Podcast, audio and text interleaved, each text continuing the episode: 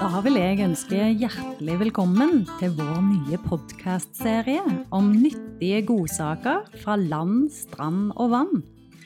Serien er et samarbeid mellom Trondheim sopp- og nyttevekstforening og Norges sopp- og nyttevekstforbund. Forbundet er en landsomfattende sammenslutning som består av 37 foreninger med 5000 medlemmer. Formålet med arbeidet vi gjør, er å øke interessen og fremme kunnskap om sopp og ville nyttevekster. Så om du interesserer deg for det her, ja, da er denne podkasten noe for deg. Vi skal snakke om spiselige vekster, sanking og tilberedning. Vi kommer til å lære masse om hvordan det vi plukker kan brukes i matlaging. Mitt navn er Ingrid Indergård, og jeg er så heldig å få lov til å introdusere publikum for denne podkastserien. Produksjonen er basert på opptak fra webinaret Sankeren og kokken. Disse gutta har masse spennende kunnskap å by på. Vi følger dem gjennom sommerhalvåret og tar for oss ulike spiselige vekster i hver episode. Jim André driver Trøndelag Sankeri og sanker inn hundrevis av ulike sopp- og nyttevekster som han leverer til restauranter. Trøndelag Sankeri kan du følge videre på Facebook og YouTube. Jørgen Ravneberg er en framragende kokk med mange gode ideer for tilberedning av spennende retter basert på vekster fra norsk natur. Jørgen jobber som kjøkkensjef på restauranten Kolonihagen på Frogner i Oslo, og er forfatter av nyttevekstboka kalt Sankeboka. Den gir masse inspirasjon til å gå ut og sanke nyttevekster og sette i gang med eksperimentering av smaker. I denne episoden får vi lære mer om enkle og gode matsopper, og hva som kjennetegner arter som kantarell, matrisker, piggsopp, fåresopp, traktkantarell, svart trompetsopp og steinsopp. Vi går inn i plantenes rike og får kjennskap til artene som kan nyttes på kjøkkenet. Det blir tips for sanking, konservering og ideer for tilberedning. Noter gjerne ned navnet på arten du ønsker å smake på, og finn bilder på vår hjemmeside sopp- og nyttevekster.no. God lytting! I dag så skal vi snakke om noe som eh, opptar meg veldig mye. Og det er jo da Ja, mine. Det var kanskje litt intens. Litt. Men jeg er jo enormt glad i å sanke sopp, og den store interessen min det er jo sopp. Det starta ikke med matsopp egentlig som interesse, men rett og slett det å lære nye arter og finne nye arter. Så, så siden 2016 så har egentlig sporten da, og fritida gått veldig mye på leite etter sjeldne arter, rødlistearter og sånne ting. Men dere skal slippe å høre på alle de rare soppene der i, i, kveld. I kveld så skal vi snakke om dem som er egnet på kjøkkenet, og de enkle, gode matsoppene som ikke har noe farlige forvekslingsarter. Så jeg håper jo denne gangen også, Jørgen, at kanskje jeg kanskje kan være med å bidra med noe info til deg, for du hjelper jo meg så mye sist. Mm. Så at vi kan bytte, bytte litt på. Ja. Det er, jo ikke, det er jo ikke til å gjemme under en stol at du er bedre enn meg på sopp. Du eh, har ganske mye bredere kompetanse der enn det jeg har, så jeg gleder meg. Og jeg tror nok jeg kommer til å lære ganske mye, faktisk. Ja, men det er bra. Vi skal begynne veldig enkelt. Og det går jo ikke an å begynne enklere enn å snakke om kantarellen. De fleste som plukker sopp, og når jeg spør hvilken sopp de plukker, så sier de at vi plukker kantarell. Så det er i hvert fall den ja, startsoppen til alle sammen. Og For å ta litt identifiseringer på den første, så synes jeg det er viktig å få fram at en kantarell den har ikke skiver under. Den har noe som heter ribber. Kan nesten se det som sånne blodårer som sitter fast i, i kjøttet på, på, soppen. Og den er gul, eh, og deler man den i to, så vil man også se at den er hvit innvendig. Den er bølga på, på, hatten og litt glatt. Og veldig mange som har plukka kantarell litt, de vil jo også kjenne på lukta at det lukter kantarell. Veldig mange sopper lukter bare sopp, men akkurat kantarellen den, den har en veldig spesiell lukt. I bøker så står det at den lukter litt sånn aprikos, men jeg, jeg synes den lukter som kantarell, rett og slett. Og i et uh, kokkeperspektiv så får jeg ofte litt sånn spørsmål eh, at de vil gjerne ha de aller, aller minste. Hvorfor det? Det skal du få svar på litt senere, Jørgen. Men jevnt over så syns jeg alle former og fasonger er like mye verdt. Denne her finnes over hele landet. Kan ta og lete litt der det er litt sånn uh, blandingsskog. Både litt gran og litt bjørk. Nesten så desto mer rotete skog det er, og at det er litt lyst, så kan det være gode sjanser for, for kantareller. Og finner man én, så finner man veldig ofte veldig mange. Når det kommer til forvekslingsarter på, på kantarell, så vil jeg egentlig ikke si at det er noe, mange forvekslingsarter. Men vi har en art som heter falsk kantarell. Og falsk kantarell den er mye mer oransje. Og i stedet for at den har ribber som sitter fast i hattekjøttet, så har den skiver. Nesten som sånne barberblad som henger ned, og som kan tas av på soppen. I tillegg så er den ikke sånn glatt oppå toppen, den er mer sånn semska skinn. Og deler man den i to, så er den også oransje.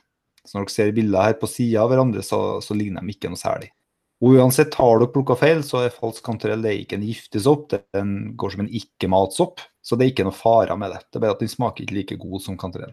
Så hvordan bruker du kantareller på kjøkkenet da, Jørgen, og hva tenker du om de små? De små er jo veldig fine i form eh, av at de er veldig pene, rett og slett. Der man eh, gjerne vil sylte kantarell og sånne ting, og ha dem helt på tallerken, så er de veldig pene å bruke. Eller generelt, egentlig, om man skal steke det lett eh, eller stuedel uansett, så ser de jo alltid penere ut når de er sånne små. Jeg er glad i all slags form av kantarell, egentlig, men de, de små ser jo litt penere ut. Jeg skal si et lite triks her på de her soppene som kantarell og trakkantarell og trompetsopp og sånne ting, som mange mm. kanskje ikke vet om. Og det jo går på det her som man har hørt at du skal aldri vaske sopp Mm. Eh, fordi at det absorberer vann og sånne ting. Her skal jeg gi et tips som kommer til å endre livet ditt. Mm -hmm. Det er at du kan faktisk vaske de her små soppene. Hvis du lager et eh, vannbad, og så har du en eh, soppkasse ved siden av, så heller du soppen oppi det vannbadet, og så stokker du om litt, og så løfter du dem rett ut. Og så har du det oppi soppkassa igjen. Så tømmer du ut vannet, fjerner skiten. Mm. Fyller du vannet igjen, og så har du dem oppe igjen, oppe i soppkassa. Så tømmer du igjen, fjerner skiten, og så en gang til gjør du det samme. Og så har dere på et brett av noe slag, eller en ovnsform med litt papir under og over. Ja. Så har du gjort den mest effektive sopprensninga du noen gang kan ha gjort. Ingen med sånn her stå og pensle bort barnåler og sånne ting. Så det, det er et godt tips på de her. Tuller du med meg nå? Så du mener at all den eh, børstinga som jeg driver på med i skogen hver eneste dag, er helt eh, Det, det er ikke vits, liksom? På de småsoppene så trenger du ikke den her. Nei. På de her med mer svampete soppene, som f.eks. steinsopp, så må du børste og sånt. Ja. Men på de her som ikke er så svampete, mm. så tar det litt tid før de begynner å absorbere alt vannet. Så da gjør det ingenting om du vasker dem på den måten så lenge du tørker godt av det etterpå og lar det renne litt på, i kjøleskapet med papiret mellom lagene. Så det Det var tidenes eh, tips, eh, Jørgen. Jeg tror jeg har sagt det til deg tidligere. Jeg håper det. Hvis ikke så får jeg litt dårlig samvittighet for det stresset. ikke, Dette var ny info for meg. Jeg har, vaska sopp én gang, og da fikk jeg så mye kjeft at du aner ikke. Jeg kan ikke ja. finne på å gjøre noe sånt, og smaker ingenting etterpå. Så nei, nei, tenkte jeg, da skal ikke vi gjøre det igjen. Det her gjorde vi på trestjerners restaurant i Frankrike, på en av verdens beste restauranter. Så om noen sier det, så kan du uh, si den tilbake. Og det her er en restaurant som er kjent for maten de lager med sopp og linser spesifikt. Så de kan det her eh, greien. Så uh, ja, ja, absolutt. Og det er jo helt genialt da på trakkantarellene f.eks. Altså. Ja, ikke sant. Og trompetsopp, for så vidt. så ja. Så litt mer på bruk her, da, så er det jo Kantarell er jo så flerbruksvennlig at det ikke går an. Det her er jo kjempebra til å bare steke og sylte og uh, ha i stuinga. Du kan uh, konfitere det, og så bruke det alt mulig. Det passer godt til hvitfisk, til forretter, til hovedretter. You name it. Veldig god smak og veldig, veldig bra sopp. Det er jo derfor den har blitt så stor også. For det er Mm. skikkelig godt. Det er ingenting som slår en god sopptoast med kantarell. Nei. Nei. Men det er én ting jeg lurer på, på Jørgen. For at jeg får et spørsmål ganske ofte som ikke jeg er helt sikker på hvordan jeg skal svare på. Og det er sånn, Mange plukker jo på kilosvis av kantareller, Altså, så de får jo ikke brukt alt med en gang. Og så spør de skal jeg tørke det, eller hva skal jeg gjøre med kantarellen? Hva er likest måten å oppbevare kantarellen på? Hva er brukende måte å gjøre det på? Den aller beste metoden er å forvelle det litt. Altså Mhm. koke opp eh, en kjele med vann, og Mhm. så har du en annen kjele med isvann, kaldt vann. Og så tar du soppen, og så eh, har du den oppi det kokende vannet, bitte litt, og så oppi isvannet, og så rett ut igjen. Da har du, du ja. ja, da har du brutt ned fibrene på soppen, sånn at eh, når de går i frysen og vannet krystalliserer seg, så ødelegger ikke det fibrene på den måten som det blir gjort i frys. For da, når du da tiner det igjen, så har jo det her vannet Da trekker det seg ut igjen, og da har det på en måte eksplodert cellene i soppen. Ved å forvelle så har du forhåndsbehandla sånn at det her ikke skjer. da. En annen god metode er å ha en kjempevarm stekepanne med litt olje. Mhm. Og så bare steke soppen lett, og så få det over i, i en eh, form, eller i en bolle, eller på et brett. Og så la det kjøle seg litt ned, og så vakumere det, og så fryse det. Og det funker, det. Ja, de to beste metodene. Ved stekinga så beholder du jo mest mulig smak, men du mister tekstur. Okay. Og ved forvellinga så beholder du jo mesteparten av teksturen, men du mister jo bitte litt smak pga. vanninga. Det er ikke veldig markant, altså. Sånn som jeg har gjort det litt før, da, så har jeg på en måte hatt kantarellene i en, eh, i en stekepanne. Mm. Og så er de jo ganske sånn vanlige, så jeg, liksom, jeg, jeg kjører bare på en nesten sånn tørr panne, og så detter vannet ut. Og så Mm. tar jeg av det, og så avkjøler litt, og så tar jeg så fryser alt med vannet og soppen. Det Er litt dårligere metode enn den du beskrev til å begynne med, det med kokende varmt og, og kaldt vann? Det, det er jo litt annerledes. Den eh, forvellinga, da beholder du jo mer formen på soppen.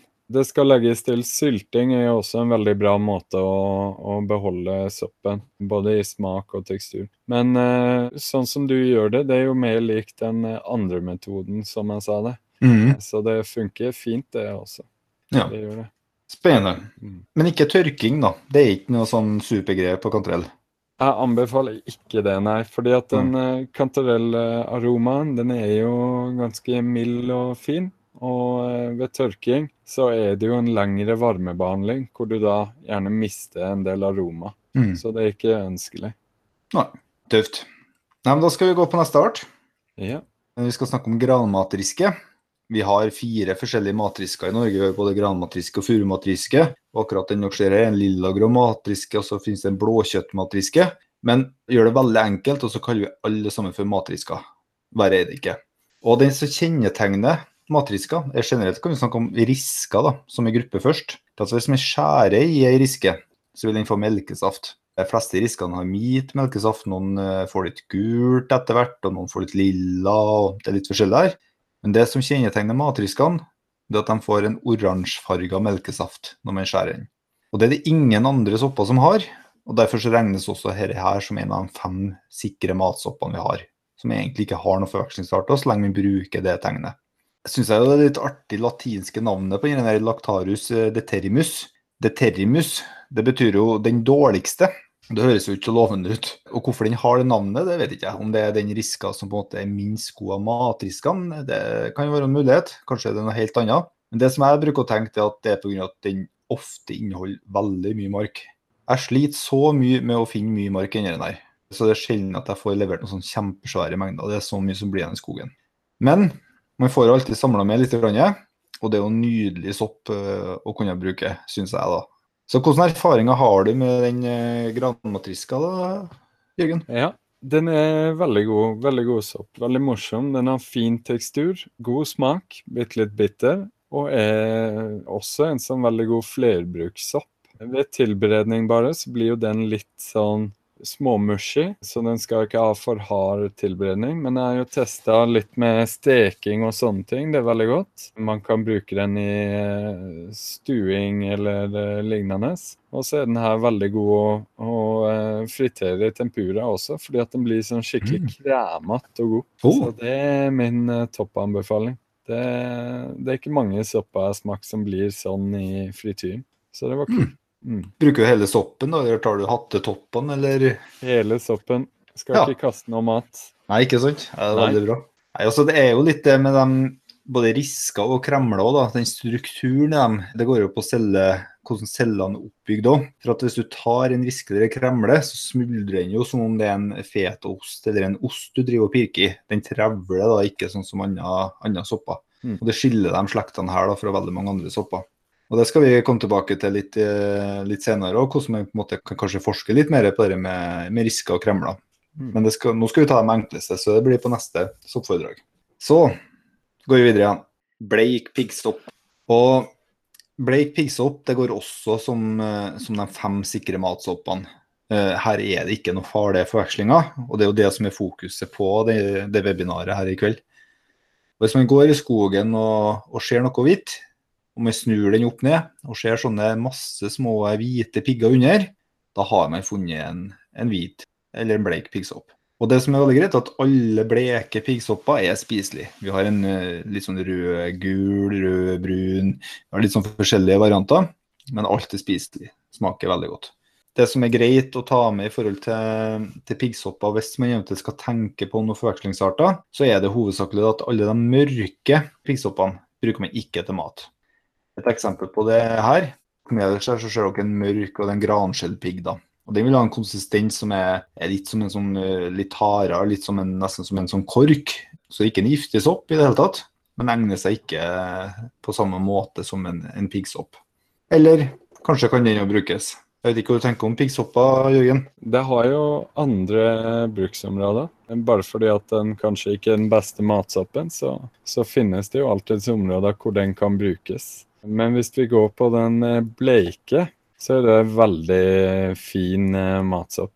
Her kan man velge å beholde piggene på hvis man vil. Eh, Da blir det gjerne litt sånn grumsete når man steker det. Eller så kan man ta en skje og så bare skrape, en teskje, og så bare skrape lett bort i piggene her. Så får man ikke noe sånn greier i panna eller uansett. Mm. Den her er jo også veldig god allround-sopp, har kjempefin konsistens og passer til det aller meste, bare ikke for hard varmebehandling. Og har en fin og mild smak av sopp. Ja. Litt sånn skogsmak, rett og slett. Den her passer jo også aller best til steking og litt stuing og sånne ting, men kan fint syltes også for noe sånn mildere soppemåltid. Nei, veldig fin eh, sopp det her. Tenker du forvelling eller tørking på den her, da? Forvelling. Ja. Som en tommelfingerregel, og det her er jo ikke bare på sopp, men eh, på nyttevekster også, så vil man jo kun tørke de her aller mest aromatiske råvarene. For hvis ikke så mister man altfor mye smak. Ja. Så det er greit å huske på. Mm. Mm. Jeg synes jo også den, eh, den granskjellpiggen er litt interessant òg. Mm. For det, det er jo ikke en matsopp i, i og for seg. Men eh, det betyr jo ikke at den har eh, smaker eller eh, ja, at den inneholder ting som kan være interessant til en matrett. da. F.eks. Ja, lage soya på. Man kan kanskje bruke den til å lage en buljong. Så det, det finnes det andre miso og sånne ting. Ja, hva er det for noe? Det er jo eh, fermentert soyabønnepaste, men eh, det kan lages på ganske mye andre ting også, så lenge det er proteiner som man Mm. baserer det på. Så man kan blande sopp og litt andre ting. Ja, den kan funke til det. Problemet her er bare at den er litt bitter. Mm. det kan man jo gjøre ting med. Eh, man kan salte den, eller man kan bruke det til soya eller dashi, sånn japansk kraft og Mm. sånne ting. Hvor litt bitterhet bare er godt. Bitter er ikke nødvendigvis dårlig, og det er mange steder man kan ha godt av det. Det er Mm. derfor man, eh, mange kokker f.eks. brenner av laksen eller ørreten med en sånn eh, torch for å få litt sånn eh, svart skall på den, fordi at den bitre og røykige aromaen passer veldig godt. Så det, man skal leke seg med aroma, og litt bitterhet gjør mye for å fylle ut smaken. Nei, jeg tror nok vi har mye å lære i soppverdenen ennå. Det skal vi forske mer på framover. Mm. Neste. Det er en grunn for at jeg viser av undersida av alle soppene. Og jeg får inn en god del sånne bilder fra alt mulig av folk eh, om dagene. sånn Hvilken sopp er dette? Og Da får jeg veldig ofte sånn bilde ovenfra, og da, da blir jeg veldig usikker. Og Da bruker jeg å si til dem som sender bilder ovenfra, at hvis jeg sender bilde av toppen av hodet til en person, en kjendis, mm. Tror du da at du klarer å finne ut hvilken kjendis det er? Og det er veldig vanskelig. Fra toppen av soppen det sier veldig lite. Men snur man den, så får man veldig ofte gode svar. Og Her skal vi snakke litt om fåresoppen. Og Fåresoppens underside den består av porer. Den har ikke skiver, den har ikke ribber, den har ikke pigger, den har porer. Og Det vil si at uh, kjøttet da, til, til, soppen det er på en måte det vi ser med en gang. Det kommer ikke noe ekstra lag med noen ting her. Og Det gjør at denne er en av fem sikre matsoppene. Har ikke noen farlige forvekslingsarter. Og Fåresoppen den, eh, den, finner jeg ofte i litt sånn gammel granskog. Gjerne, gjerne litt sånn 60-70 års gammel eh, granskog. Der det er litt, eh, ofte litt moserikt òg. Og finner den ofte i veldig store mengder. Så Fargemessig så varierer den litt. Den kan gå litt i brunt og litt i grått, og, og generelt ganske sånn kalde farger. Den har en forvekslingsart, og jeg skal ta fram den òg. Og det er den som heter fransk brødsopp.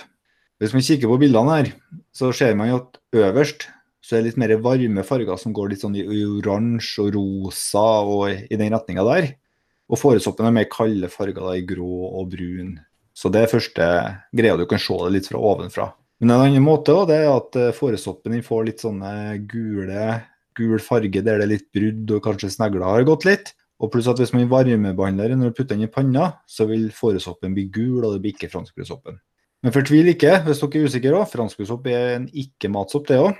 Lukter litt eh, parfymert, men ikke noe giftig sopp. Så ikke noe farlig forvekslingsart i det hele tatt. Og jeg har også hørt eh, historier om folk som syns at unge franskbrødsopper kan være gode matsopper også. Så hvordan bruker du fåresoppen da, Jørgen? Nei, det er som eh, egentlig som de andre soppene vi har snakka om hittil. Veldig god allround-sopp med en god og mild smak. Eneste forskjellen her er at fåresoppen blir litt sånn fastere i tekstur. Så her kan man kjøre med litt annerledes varmebehandling. Kanskje man vil grille den litt. Skjære i tynne skiver og grille litt. Mm. Man kan konfitere den eller bake den litt.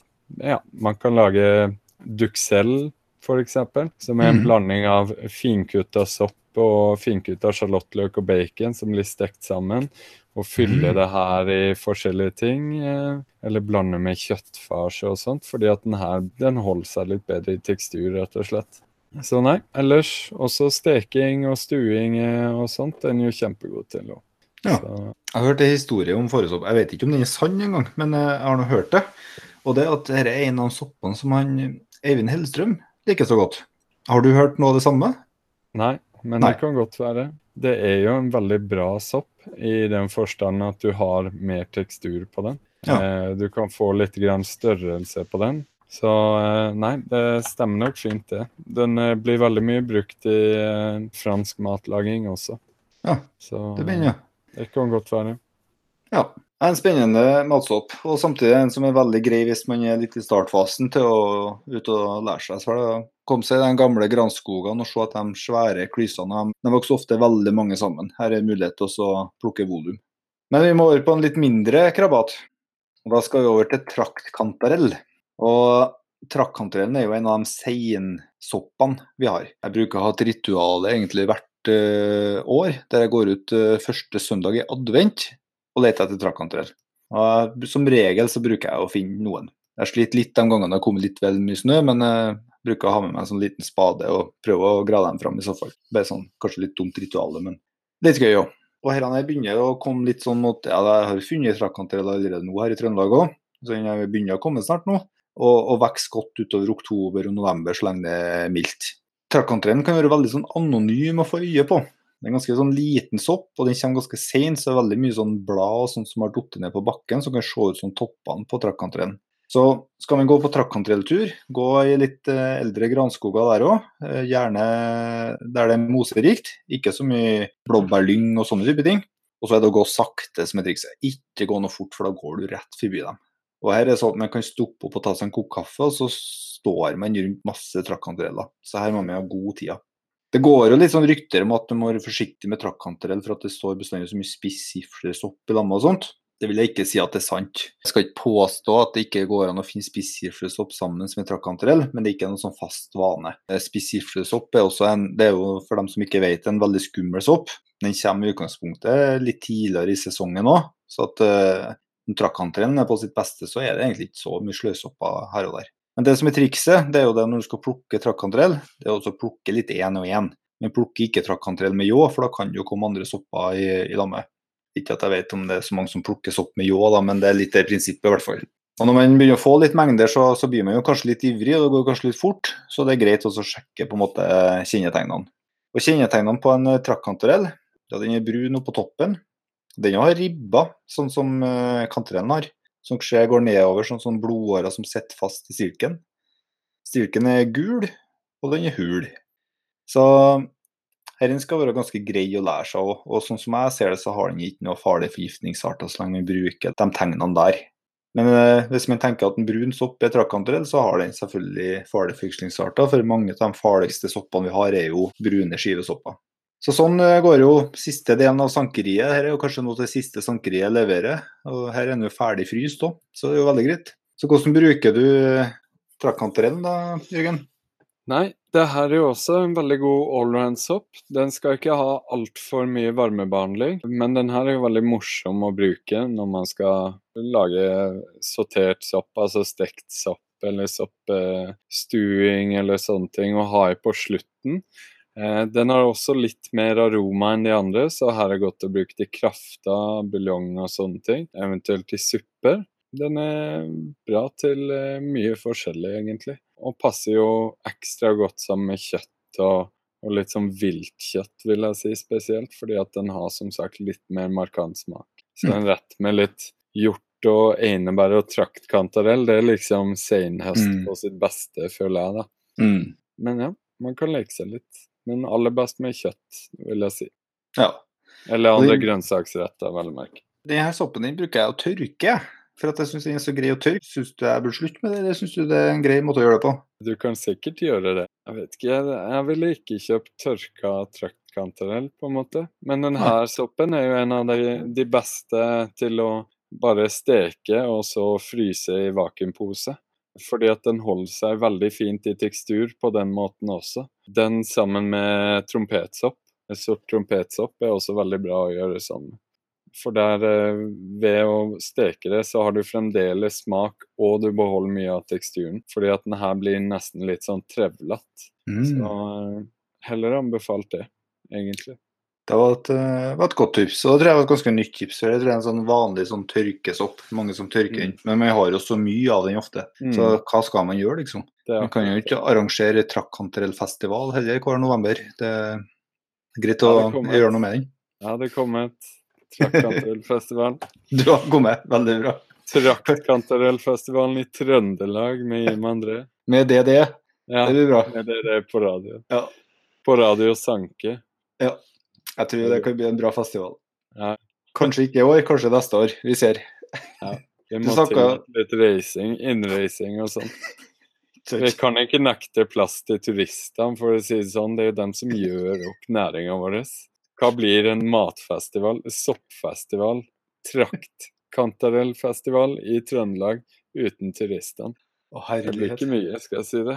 Det, det kjører vi. Da får vi brukt ja. opp all traktkantarell, for vi har mye gamle granskoger og veldig mye traktkantarell. Så vi er ja. klar for festival. Ja, det er bra. Jeg vil ta opp, selv om vi ikke skal snakke så mye om den, den har en eh, positiv forvekslingsart. Og det er gul trompetsopp det er mange som er litt sånn nysgjerrige. Har jeg funnet trakkantre? Har jeg funnet gul trompetsopp? Hva hva er hva? Så jeg tenkte jeg skulle bare nevne noe ganske kjapt. At trakkantrellen har jo sånne ribber.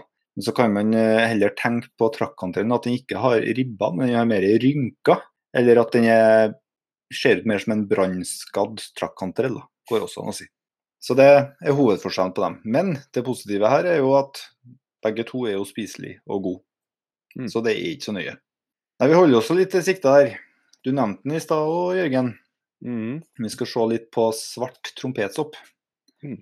Og Dette syns jeg er en veldig eksotisk sopp. for vi, vi, flyter ikke så mye av den akkurat her i, rundt Trondheimsområdet. Vi må litt lenger eh, sør og litt sånn rikere skoger, gjerne med litt sånn hassel og Ja, her, her har vi liksom gran. Det er det som er greia. Har litt bjørk òg, men det er mest gran. Men den her er veldig enkel å kjenne igjen med gråe ytre. Ikke, det ser jo ut som en uh, trompetform, traktform, og mer svart indre. Så den er egentlig veldig enkel å kjenne igjen. Den har egentlig ikke noen forvekslingsarter, den heller, men det som jeg har opplevd noen ganger, det er at det finnes noen risker som blir helt svart og overvintrer. Så jeg har hørt noen historier som tror de har funnet svart trompetsopp, og så er det sånne overvintra svarte risker. da. Så mm. se på at det ikke er noen skiver der, eller noe sånt, og at det er en frisk sopp og ikke en uh, år gammel sopp, så, så, skal det gå veldig fint. Meget fin sopp. Mm. Og hvordan bruker du den, Jørgen? Nei, den er veldig god å bruke på akkurat samme måte som eh, traktkantarellen, egentlig. Det er hovedsakelig steking og eventuelt litt sånn gryter og stuinger og sånt. Den er enda litt mer trevlete enn den eh, andre, men Traktkantarellen? Eh, ja. Mm. men eh, den er fremdeles kjempegod. Og her er det jeg liker best å bruke den her med å bare eh, steke den bitte litt eh, i olje på en kjempevarm panne og så mm. før den blir ferdig, så kaster du en klatt med smør. Så eh, blir det litt sånn ekstra eh, fettete og godt. Eh, og så på litt salt. Så er det kjempefint. Eh, den er også veldig god til å steke crisp til den her. Jeg glemte å si. Det, eller fritere den helt naturlig. For den blir sånn Ja, den blir god og crunchy, da. For det er ikke så mye vann i den her.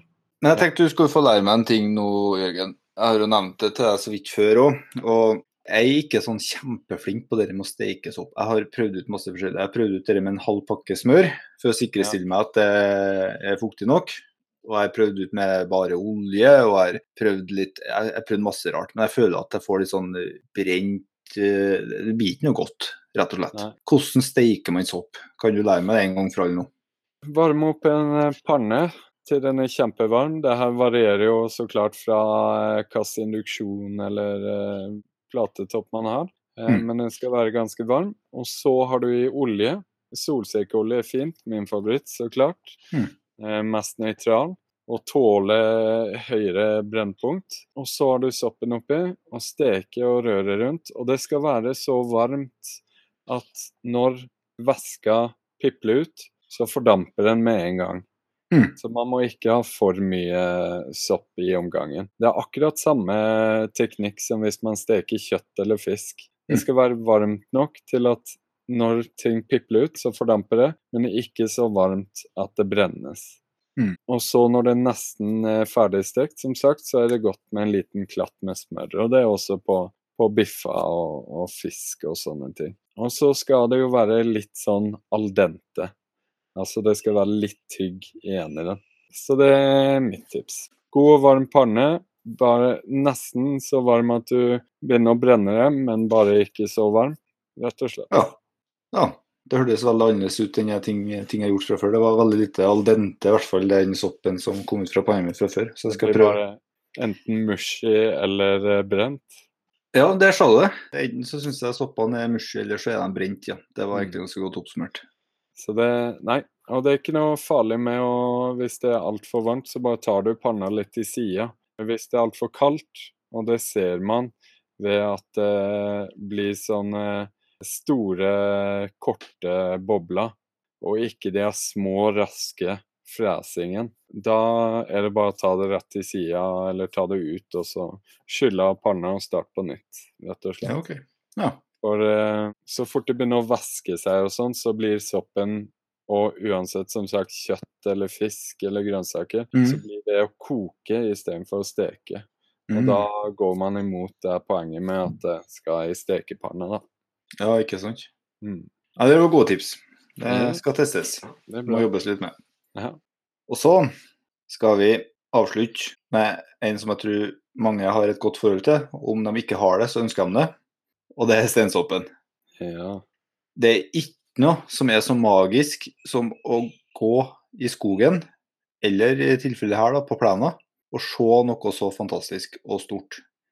Det, det, gir en sånn glede som jeg tror er større enn å spise den. Den er enormt artig å finne. og Jeg har begynt å plukke steinsopp no, noen år, men det, blir, det, er like gøy hver gang jeg finner steinsopp. Og For å kjenne igjen steinsopp, Det er jo en stor sopp, ganske sånn pluggete stilk. Ser ut som eh, en hvetebolle oppå toppen. Men skal man virkelig begynne å identifisere den soppen her òg, så må man på undersida. Og da ser man jo først og fremst at det er et rødlag her, som den svampen som man vaska av tavlene med når man gikk på skole, i hvert fall på min tid. Og ser man ned på stilken der, så ser det ut som den har på seg ei sånn nettingtrøye, ei sånn helsetrøye oppå toppen på stilken. Og det er det tegnet som gjør at man er sikker på at man har funnet steinsopp. Steinsoppene kan jo variere litt i Ja, kan jo være små òg, for de er jo unge en gang, de òg. De kan bli veldig store. Men det er tegnene med at det er den der svampen under og det er nettingmønsteret på toppen av stilken, det går igjen på absolutt alle. Det finnes også en eh, rødbrun stensopp, som er litt mer rød. Vokser litt mer i furuskog. Og den er også veldig fin å, å bruke. da. Den finner jeg ofte litt tidligere. Så her var jeg litt lenger sør på rødbrun steinsopptur. da. Ser dere litt hvitkrullen og mye furuskog i nærheten. Så har jo steinsopp går jo faktisk ikke som de fem sikre matsoppene. Jeg vil ikke si at det er fordi at det er noe farlig forvekslingsarter, for vi har ingen giftige rørsopper i Norge. Og Det er veldig greit å merke seg. Men vi har noen som ikke smaker så godt.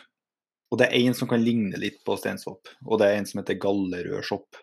Og Jeg ser dere forskjellen litt på den gallerødsoppen og steinsoppen steinsoppen som dere ser, da, som er heldig, som jeg er veldig glad for å finne nok en gang. Den har jo det finmaska årenettet oppå toppen, altså den her helsetrøya som er altfor liten, som man trer nedover toppen av styrken. Og så har den gallerørsoppen, Den har fått den har ei veldig mye større helsetrøye, som er tredd hele veien nedover styrken. Det er et grovmaska årenett, altså. I tillegg så vil eh, steinsoppen gå ifra å ha hvite porer under til å gå i retning gul og litt sånn olivengul. Og den gallerødshoppen den starter også som hvit, men går da litt mer retning rosa. Og er man i tvil, så er det veldig enkelt. Da kan du smake litt på den gallerødshoppen. For det er ikke noe farlig å smake på rødsopper i Norge. Spytt det ut. Og da har du funnet en gallerødshopp, så kjenner du veldig trang til å spytte ut, for den smaker helt forferdelig. Den er så besk og ekkel på smak at man er helt sikker på at dette er ikke noe man vil ha i panna. Og det er den eneste faren egentlig med å plukke steinsopp. Og er man uheldig og får en annen rødsopp, så ingen fare. Som sagt, det er ingen gifte rødsopper i Norge. Så skal dere begynne å lære dere masse sopper, så er rødsopp en veldig fin gruppe å starte i. Så jeg vet ikke om du snakker gallerødsopp med steinsopp, har du vel smakt, Jørgen? Mm, masse. Ja. Eh, det her er jo en av de beste matsoppene vi har, rett og slett. Du har jo Mm. en eh, uovertruffen smak av umami på denne soppen. Og umami gjør seg jo godt i alt. Steinsopp har jeg lagd eh, desserter på, jeg har lagd forretter på. Hovedretter, du kan lage pulver ut av det, det er kjempegodt å konfitere. Neste gang du skal lage viltmiddagen din, mm -hmm. så så, stek litt grann steinsopp i en gryte med litt uh, smør. Mhm. Og så får du litt farge på det, og så har du oppi to blokker med smør. Mhm. Og så varmer du det her opp til ca. 70 grader. Så trekker du det til sides, og så kjører du det her med en stavmikser. Da har du Jaha. lagd deg steinsoppsmør. Og så bruker du det her til uansett alt det du ville brukt smør til. Og spesielt godt hvis du skal lage deg en potetmos. Og så har Mm. du ekstra mye av det her smøret. Det blir den beste potetmosen du noen gang har smakt. Og som jeg sa tidligere også, der jeg var i Frankrike, så var jo sopp en av de to tingene som de var mest kjent for. Så her har jeg, jeg har lagd eh, steinsopp og banandesserter, eh, steinsopp og sjokoladedesserter, steinsopp eh, til alt, typ. Ja. Og den eh, her er en av dem man også kan tørke, fordi at den holder Mm. fint på aromaen i og med at det er så veldig eh, kraftig smak på den. Nei, det er fantastisk sopp. Pass til alt. Ja. Og så er den jo dessverre i hvert fall sånn eh, hvert mye år. Egentlig syns jeg det er litt sånn hvert år, altså er dessverre mye markspist, da. Så der, der må man på en måte kjenne litt sin egen eh, komfortgrense, hvor mye, hvor mye mark det er i steinsoppen man, eh, man tåler. Én ting er i hvert fall sikkert at eh, den man importerer fra utlandet, den ser ganske sånn hullete ut, den tørka steinsoppen der. Så den tror jeg i hvert fall ikke er noe avvaresteinsopp som er tørka i stor grad. Men der vil jeg bare poppe inn og legge til at Mm. om den er markspist, Mm. så gjør det ingenting om man eh, kutter den opp og Mm. så tørker den i dehydrator. Fordi markene vil da kravle ut av soppen, Ja. eh, idet du har det i dehydratoren. Og så får du bare en hullete steinsopp igjen med masse død mark rundt. Så det, ja, det er ikke farlig, det smaker ikke noe, og som sagt, så å si alle mark kravler ut av soppen. Så eh, der er det til deg også. Plukk med det markspiste, og så lager du tørka sopp. Så har du noe å selge i vinter. Vet du hva, den dagen du får meg til å plukke markspist steinsopp før salg, da, da er det dårlige tider, Jørgen. Det får du Du- meg til å gjøre. Du, jeg var, jeg var på sopptur for to år siden, Ja. og da fant jeg en sånn her steinsopp. Jeg vet ikke om du ser. Cirka like bred som eh, meg, og jeg er ganske bred kar. ja. Og veide ganske mange kilo. Den var eh, så klart ganske markspist, men den soppen jeg fikk ut av det etter eh, noen runder med dehydatoren, Ja. det er ganske stor mengde med ganske god kvalitet. Ja. Så det, jeg kan si til deg at det er virkelig verdt det. Og jeg hadde kjøpt det om du hadde solgt eh, tørka markspist steinsopp. Ok, Så du er ikke interessert i å kjøpe tørka trakkantereller i sin beste stand, men, men markspist steinsopp, det, det er innafor, liksom? Eh, ja. Ja. Men jeg kan. Det er verdt det. Det er verdt det. Altså, tørka Tørka steinsopp er bra uansett. Du har aroma Ja. uansett. Det er jo for så vidt sant. Du kan jo male opp det som et pulver eller noe Mm. sånt òg, så, så tenker man jo ikke så mye over det lenger, tenker jeg. Mm. Eller som sagt, eh, du kan eh, konfitere den i smør og så kjøre opp. Mm. Så har du steinsoppsmør. Sånn som nå har vi faktisk en rett på restauranten som er lysing posjert i en sappbuljong eh, med potetringer som vi baker og crisper opp litt i eh, steinsoppsmør. Og så eh, legger vi sånne tepper av de potetringene. Mhm. Og så, eh, så du har et sånt her teppe, og så rasper vi masse god ost eh, oppå den. En bufareost som er veldig lik parmesan, men den er norsk. Og så kommer det på toppen en sånn steinsopp og fermentert sitronpulver. Og så har vi en sånn saus som er fiskekraft redusert helt ned til en glaze. Mm. Med hvitvin og steinsopp og crème fraiche, og så kommer den på en spuma. Oi. Så det er sånn sopp og hvit fisk og potet, og den bare Den er så god. Det skal jeg si, som kokk så, så har man noen tanker, og så av og til går det dårlig, og av og til blir det bra, og av og til blir det helt sinnssykt bra. Og det her var en av de gangene hvor det bare blow your Ja. mind. Ja. Ja, det hørtes veldig spennende ut. ja. Det Så hørtes bare- ut som masse gode smaker. Ja, og hovedsakelig steinsopp. Hovedsakelig Mm. umami. Ja. Så det Nei. Fantasien setter grenser her, altså. Ja, veldig bra. Dette var egentlig de soppene som vi skulle fortelle litt om i det her soppforedraget. Vi skal ha to soppforedrag til òg, og da skal vi ikke neste gang så blir ikke ha så mye fokus på de, eh, nødvendigvis de enkle artene. Da skiter vi litt i det. Da tar vi, da tar vi opp favorittene uavhengig om de har farlige forvekslinger eller ikke. Og så skal vi også ha et foredrag der vi går litt utafor normen og kikker litt på alternative måter å bruke sopp på. Men dette var i hvert fall de eh, litt enkle med uten forvekslingsarter for i kveld. Mm. Og neste gang, hva skal vi gjøre da, Jørgen? Bær var det. Bær, vet du det. Bær blir neste gang. Mm. Så det blir eh, morsomt. Da skal vi gå gjennom ikke bare de vanlige bærene, men også litt eh, mer spennende ting, og hva man kan gjøre med bær som ikke er så Mm. mye gjort, rett og slett. Det finnes så mye spennende bær, og herlighet så mye artige bær det finnes. Det gjør det. Så velkommen tilbake på bærseminaret neste gang. Yes. Takk for i dag. Takk for i dag, ja. Tusen takk til Jim og Jørgen for deling av nyttig kunnskap om naturens spisskammer. Vi håper at det har vært berikende og til inspirasjon, slik at nettopp du tar turen ut og plukker med deg litt godsaker. Var det noe nytt du vil dele med en venn eller kollega? Eller noe du vil overraske familien med til middag eller dessert? Det kommer flere episoder i denne podkastserien, så husk å abonnere på denne podkasten. Del den gjerne med de du tror både kan nyte og ha nytte av den. Masse å glede seg til fremover her. Bli med oss også i neste episode. Da skal Jim André og Jørgen ta oss med på nok en kulinarisk reise. Vi skal da lære mer om gode matsopper som rabarbrasopp, grønnkremle, pepperrørsopp, grønn anistraktsopp, sjampinjong, matrisker, grå jordmusserong og smørsopp. God sanking, og på gjenhør neste uke.